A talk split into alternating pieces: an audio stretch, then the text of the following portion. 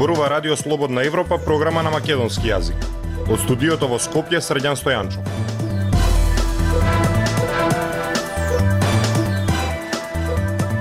Ја слушате емисијата на Радио Слободна Европа, почитувани. Во неа објавуваме.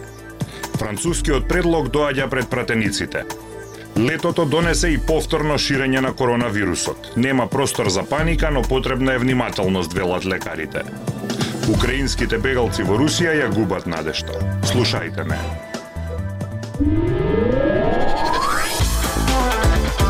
Независни вести и анализи за иднината на Македонија. На Радио Слободна Европа и слободнаевропа.мк. Собранието се очекува до крајот на неделава, најверојатно в четврток, на пленарна седница да расправа за владината информација за францускиот предлог за отстранување на бугарското вето за почеток на преговори со Европската Унија, велат извори од денешните собраниски координации. ВМРО ДПМН не го поддржува предлогот, а неизвестна е поддршката и од помалите коалициони партнери во владата. Зорана Гаджовска-Спасовска.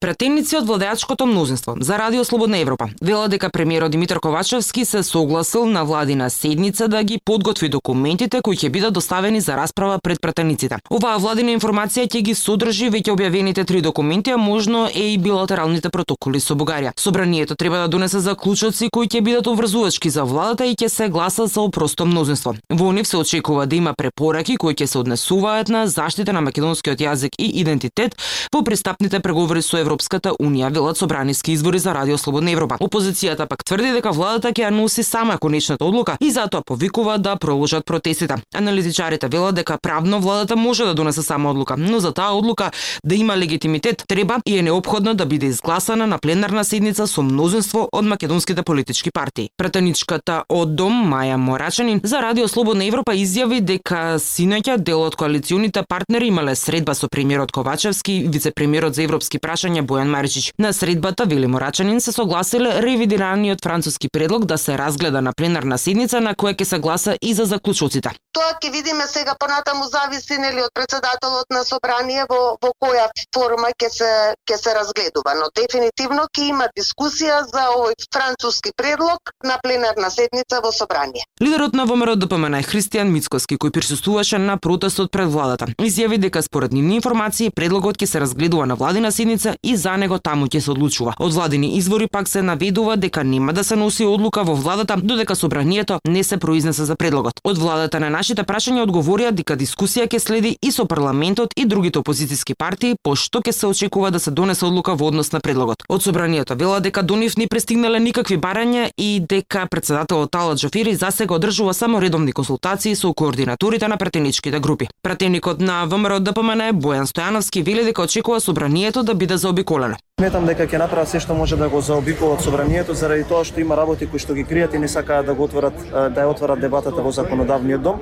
Францускиот предлог за отстранување на бугарското вето во преговорите со Европската унија мора во форма на документ да помине и за него да се гласа во собранието за да има легитимитет, смета Марко Трошановски од Институтот за демократија Социетас Цивилис. Мислам дека за ваков документ кој што е еден најважните во историјата на нашата независност, апсолутно дека собранието мора да го има последниот збор. Дури да се земе предвид може би референт. Со тоа што морам да потенцирам поради тоа што ризиците од имплементација на ваквиот предлог најмногу се прекршуваат на, на грбот на македонскиот народ, апсолутно дека не сме да се заобиколи мнозинската волја на изразена во, во парламентот на доминантната етничка заедница во земјата. Тоа би значило дека без гласовите на најголемата опозицијска партија ВМРО ДПМН не треба да помине вели тој. Во меѓувреме, помалите партии под долгочасовните консултации консултации со владините представници излегоа со своји дополнителни барања, посочувајќи дека не даваат безусловна поддршка на предлогот.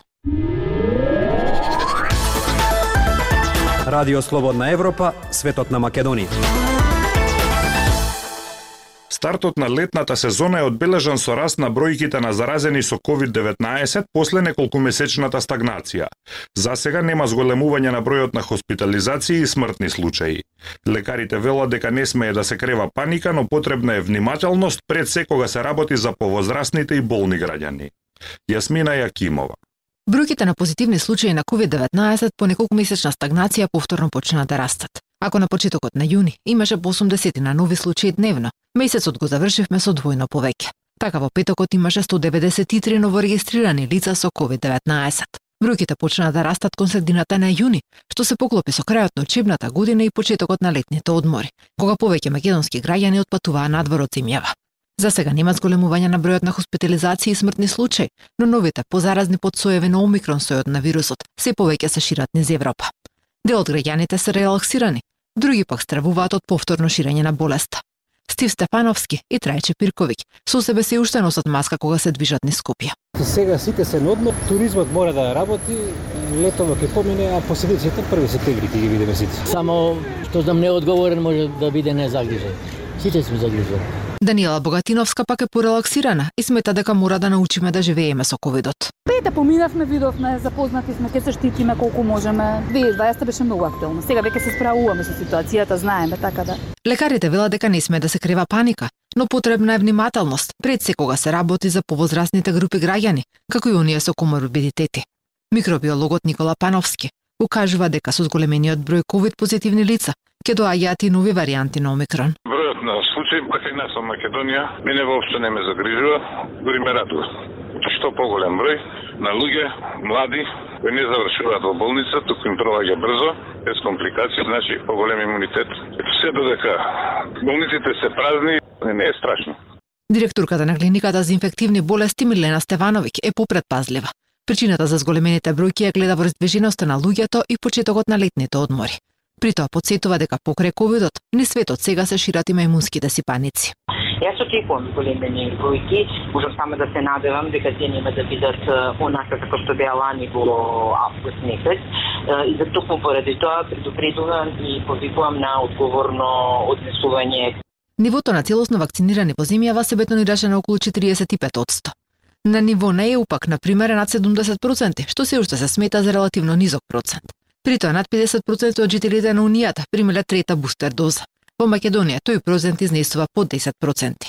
Сепак, скринингот на населението кој го спроведува здравствените власти во февруари покажа дека од 170 лица кои биле невакцинирани, дури 70% имали имунитет против COVID, со што беше утврден солиден имунитет и кај невакцинираните граѓани. Од Комисијата за заразни болести вела дека се свесни за растот на бројките, но соопштија дека за сега нема потреба од нови мерки за спречување на ширењето на COVID-19. И од Министерството за здравство потврдуваат дека внимателно ја следат ситуацијата. И додека граѓаните ги планираат летните одмори, чиј пик вообичаено во август, бројките на ново заразени од COVID-19 растат низ туристичките центри низ Европа, но и во соседството. Актуелности свет на Радио Слободна Европа. Украинските бегалци во Русија ја губат надешта. Една од нив е Анастасија која побегнала од Мариупол со својот син. Три месеци откако пристигнала во Русија, таа чека да ја биде исплатена сумата што им ја вети рускиот председател на украинските бегалци. Прилог на Гоце Атанасов. Со малку пари таа со нетрпение очекуваше да добие исплатата од 10.000 рубли или 185 американски долари, што рускиот председател Владимир Путин им ја вети на украинските бегалци. Парите требаше да и помогнат да ги покрие нивните основни потреби за краток временски период, додека таа и незиниот син се во Санкт Петербург, чекајќи да заврши војната. Три месеци по пристигнувањето таму, таа допрва треба да добие исплатат. Како и другите бегалци со кои Радио Слободна Европа зборуваше, таа не сакаше незиното презиме да биде објавено поради страф од последици. Тие рекоа почекај, во одреден момент ќе ти дадат, рече таа. Анастасија во никој случај не е сама. Светлана Тихомирова, новинарка од Санкт Петербург, која доброволно им помага на украинските бегалци, неодамна рече дека околу 90% од оние кои пристигнале во регионот Ленинград, кој го обкружува градот Санкт Петербург, но не го вклучува, допрва треба да добијат својата ветена исплата. Во писмото упатено до Путин во средината на јуни и објавено на социјалните мрежи, Тихомирова вели дека украинските бегалци во Русија се фатени во магепсан круг. Многумина нема доволно пари да платат за услуги, како што се преводи на документи, клучни за добивање на руски пасоши и вработување. Тихомирова е едно од стотиците луѓе низ Русија кои им помагаат на украинските бегалци со пари, храна и други основни работи. Ситуацијата во внатрешноста на Русија е многу пострашна отколку во Москва и Санкт Петербург, според извештаите на волонтерите. Напиша таа во писмото, додавајќи дека во поодалечените области самите волонтери не се во можност да обезбедат поддршка за бегалците поради понискиот животен стандард луѓето остануваат гладни во вистинска смисла на зборот. Незините коментари се чини дека се воспротивно со Руското Министерство за ворени ситуации, кој ги надгледува исплатите на бегалците. Неидентификуван функционер на Министерството изјави за државните медиуми на 7 јуни дека 300.000 украински бегалци, или речиси четворица од пет од оние за кои изјави дека аплицирале, добиле исплата од 10.000 рубли. Според Обединетите нации во Русија има околу 1,3 милиони украински бегалци, додека руската влада ја проценува бројката на 2,1 милион, вклучувајќи 340.000 деца. Киев ја обвини Москва дека насилно носи украински граѓани во Русија. Едно од тврдењата што Путин ги скористи за да оправда неиспровоцираната инвазија на Украина е дека граѓаните од руско говорно подрачје во Донбас има потреба од заштита од владата во Киев, за која тој лажно тврдеше дека извршила геноцид таму. Неуспехот на Русија да ги изврши исплатите на време и покрај раната подготовка ги засени очекувањата на Кремљ за брза победничка војна која ќе генерира многу малку бегалци. Култура и уметност на Радио Слободна Европа. Овој понеделник на 4 јули со изложба на дела на Кети Талевска-Бакревска, Викторија Мачковска, Мартина Павловска и Сашо Алушевски во културно-информативниот центар Скопје започна првото издание на меѓународниот фестивал на алтернативна фотографија Зрно. Повеќе од Лјупчо Јолевски. На македонската културна сцена по неколку години обмислување, конечно ќе се случи првото издание на Интернационалниот фестивал за алтернативна фотографија Зрно, зад кој со силината на аргументите на собственото творештво и потребата да се надминат локалните рамки, застанаа неколкумина трагачи по авантури во играта со светлината. Оттаму не случајно, Сашо Алушевски, фотограф и еден од пионерите на македонската алтернативна фотосцена, во каталогот за најавната изложба на која во продажниот салон на Китс Скопје ќе се најдат лумен принтовите на Кети Талевска Бакревска, автентичните цијанотопии на Викторија Мачковска, полароидите на Мартина Павловска и неговите цијанотипии од циклусот Пикторијализам, во случајов опремени од Владо Димовски, ќе забележи дека секоја фотографија едно помалку или повеќе совршено танго со светлината. Секоја фотографија е едно помалку или повеќе совршено танго со светлината. Повеќе или помалку свесна игра во зависност од умешноста на танчерите, нели? Неа не сме да има ниту премалку, ниту премногу, затоа што страста брзо пламнува и ако се, не се покаже потребното почитување, танчево да го се препушти само на страста, нели, ќе му се случи истото што му се случило на Икар. Танцот брзо ќе се претвори во очаен пад во едно непознато и бурно море, кое што не знаеме дали е добро или лошо, ама го третираме како трагично. Вели Лушевски. Од друга страна, говорејќи за потребата од еден ваков интернационален фестивал на алтернативна фотографија кај нас, тој истакнува дека зрно е плод плод на нивната идеја да ја негуваат шареноликоста на нивниот омилен медиум. Зрно изрти како инхерентна потреба да ја негуваме шароликоста на нашиот омилен медиум, фотографијата, и како отпоркон за коравениот поглед кон фотографијата кај нас. Зрно се нарекува фестивал, може би некој се прашува зошто, просто затоа што сакаме да ја славиме фотографијата. Го третираме фестивал како фештаре. по сите неизини игриви облици. Зрно иницијатива на неколку ентузијасти фотографи кои сакаат да ја слават алтернативната фотографија, односно старите процеси во фотографијата и неизината незаменлива уникатност и убавина.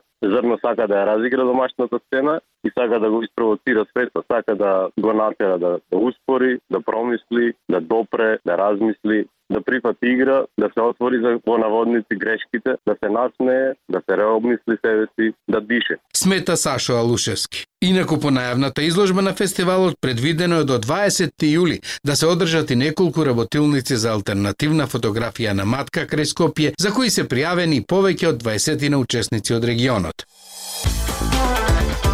Ја слушавте емисијата на Радио Слободна Европа на македонски јазик. Со вас беа продуцентот Дејан Балаловски и Средјан Стојанчо. До слушање.